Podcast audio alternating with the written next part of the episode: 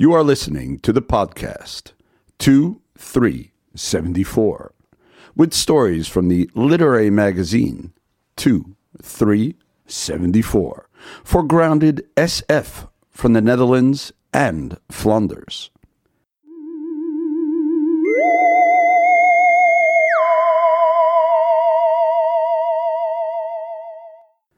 Karma Hack, a story by P.J. Pancras. The Arcade Hall has a hot new VR game for you.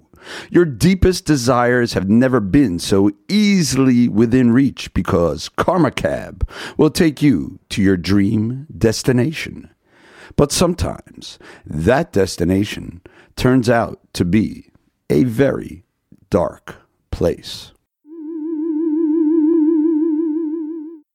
The girl had unzipped him roughly. I take you to your dream destiny, yes? She skillfully closed her lips around him. Nothing happened. A minute later, she had shown him the door, high on drugs and giggling. Next time, I'll pay you to do me, pretty boy. Back outside on the old church square, a kid had, very old school, pressed a flyer into his hands. Honey Mamonk, the world's biggest arcade hall in Amsterdam. The arcade hall has an epic new game in VR space cubes. Your deepest desires have never been so close. Karma Cab takes you to your dream destination. All you need to do is get in and get out. A good reason to go to church at last. Perhaps exactly what he needed. But first, a smoke. Ja, pass me the spliff, brother. An old man showed him a plastic bag with a picture of a little elephant. Elephant tranquilizer. Carfentanil. For you? Why me? Why not? Try, boy, try. That was exactly the point. He tried and tried, but he always missed out. A moment of hesitation. Oh, to be able to sleep deeply and forever. But the man had already put the bag away and pointed towards the old church with his stick. Was he saying goodbye or showing him where to go? It was hopeful either way.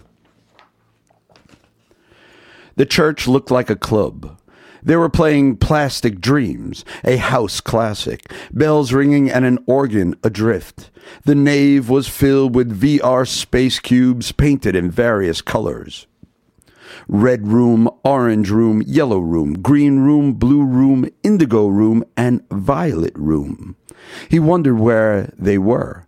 The confessors. Did you know there are two colors people cannot see? A woman had turned up by his side, straight hair, bangs, brown eyes with a hint of gold. Honey? Infrared and ultraviolet, he answered. She nodded. First time here? He noticed her lips were slightly parted, which made her seem both sarcastic and compassionate. There was a certain sadness in her eyes. Something was wrong with her. Not at all. I come here often. Picked your color yet? Shame you don't have white. He suddenly knew what that something was because he felt it the exact same way. White. All the cubes together. She smiled. Enjoy. We might see each other later. Above the entrance of the cube, a sign read Karma Cab. Inside, indeed, a taxi was waiting for him. A futuristic thing, Batman worthy. Welcome, passenger. The ever so familiar, sultry computer voice that seems to dwell in all devices. Please put on the suit with the helmet before you get in. He immediately did as he was told. Passenger, we will now measure your brain activity. If you like, you may now switch on the RBM function, the read brain memory tissue inside your helmet. We will then use your own memories or your own desires as you wish. Desires are, after all, memories of the future. He liked the sound of that. He got into the car but could see no driver. Hello, traveler. A woman's voice sounding vaguely familiar. Address? Of course, he was in a taxi. He could not think of any destination. Completely blanked. You do not know? Wait. I know why I don't know. There's no chauffeur. That's it. When you close your eyes, you will see your driver. In that moment, she appeared next to him, the hologram of the woman with the mocking mouth and the sad look. I know enough, she said. You know what they say if you don't know where you're going to, any road will take you there. His body relaxed. What's your name, boy? He told her his name. It had been a long time since he'd given it to anyone. All right, so Jimmy, what have you been up to lately? She had a British accent, just as he'd hoped. Desires. Wow. Now he had to come up with something interesting. Oh, the usual. You know. Are you a computer boy? It was true. He was an IT expert who analyzed rays of light from stars extinguished billions of years ago. They only reached the Earth now, Measuring the past, he was in the lab day and night. Being at home, after all, meant lying awake, dark dreams. Are you living with someone? He shook his head. Are you? I live with my mother. We are very happy together. What are you so happy about? Finally, a real conversation. She did not answer right away. There was that sadness again. Oh, we hold each other's hands. Sometimes she'll sniff my hair. Fluffy, I want to smell you, she'll say. But most often she doesn't recognize me. You know? A mountain appeared ahead of them, a curious sight in the land that had so far been flat. He looked at Honey, who seemed lost in thought. Her aloofness caused a tear somewhere within his own tissue. Music? he asked. You choose. She drove the taxi into the tunnel. He switched on the radio. Scratching noises, a trombone, the sound of Sandie Shaw, said Honey, and she sang along. I walk along the city streets.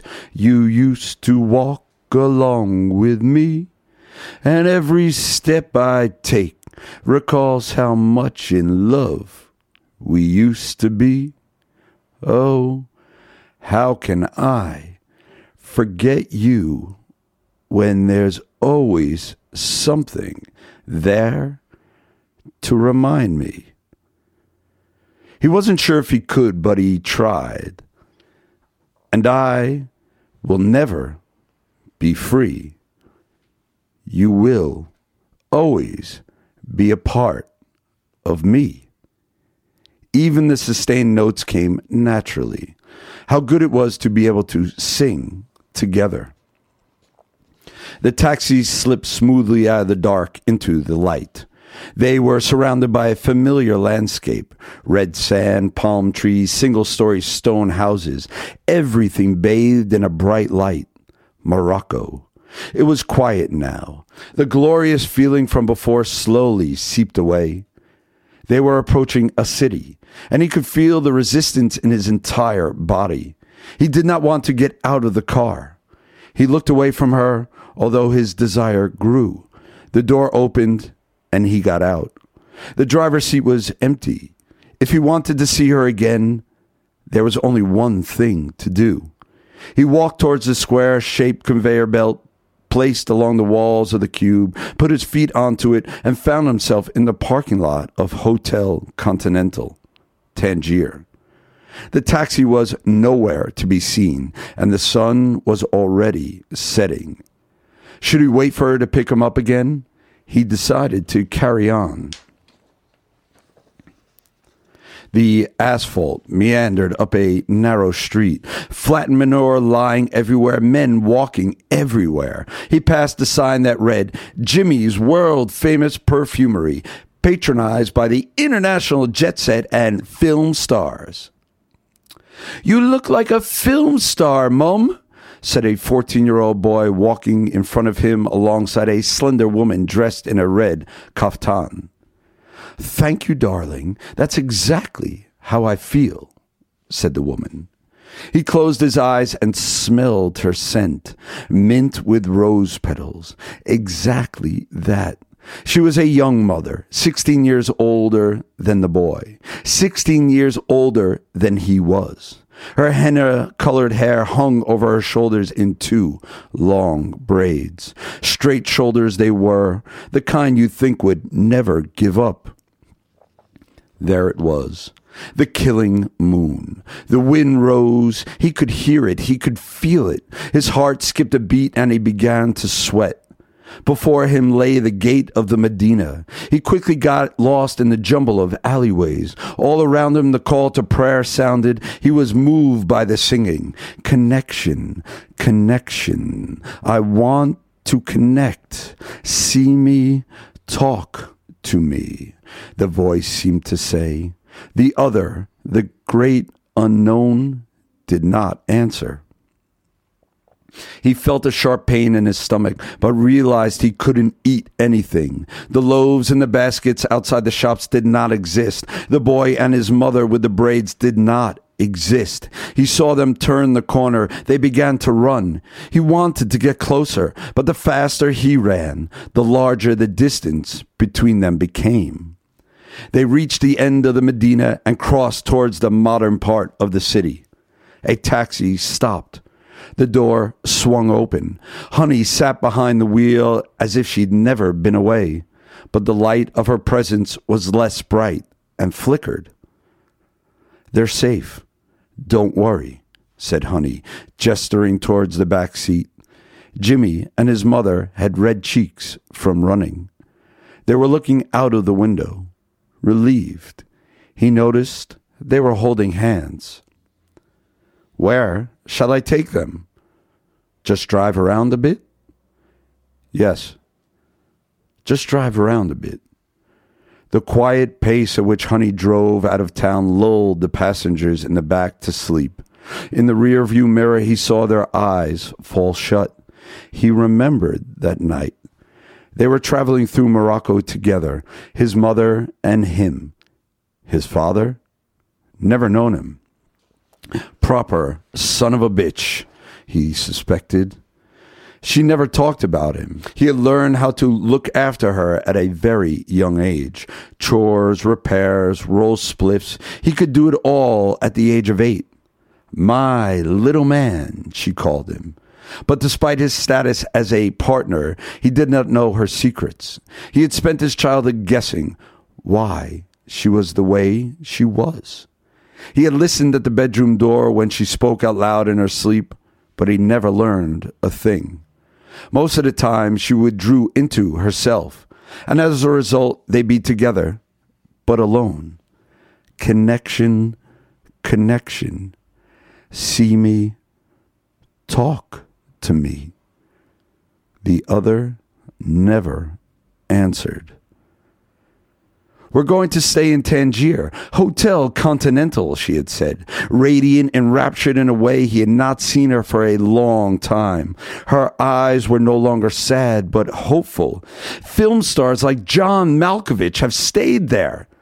It didn't mean anything to him, but he was just as happy as she was. He could feel it again now, and he glanced at the back seat once more. But as always, those other feelings immediately infected his joy, as if his brain was hacked by the monster named guilt. To steer the attention away from himself, he focused on Honey. He asked the first question that came to mind Honey, can I drive? He was instantly holding a wheel. No more honey. He stepped on the accelerator, quickly changed gears 75, 100, 125 miles per hour. He was tearing around like a race car driver. A car came straight at him. Oh, to be able to sleep deeply and forever. In the final moment, he yanked at the wheel to avoid the crash. He knew he had to go back to the winding asphalt. He got out of the car with his mother and they hopped towards the hotel. It was the perfect end of a perfect evening. They'd gone out for dinner and had walked away without paying to save money for that beautiful carpet.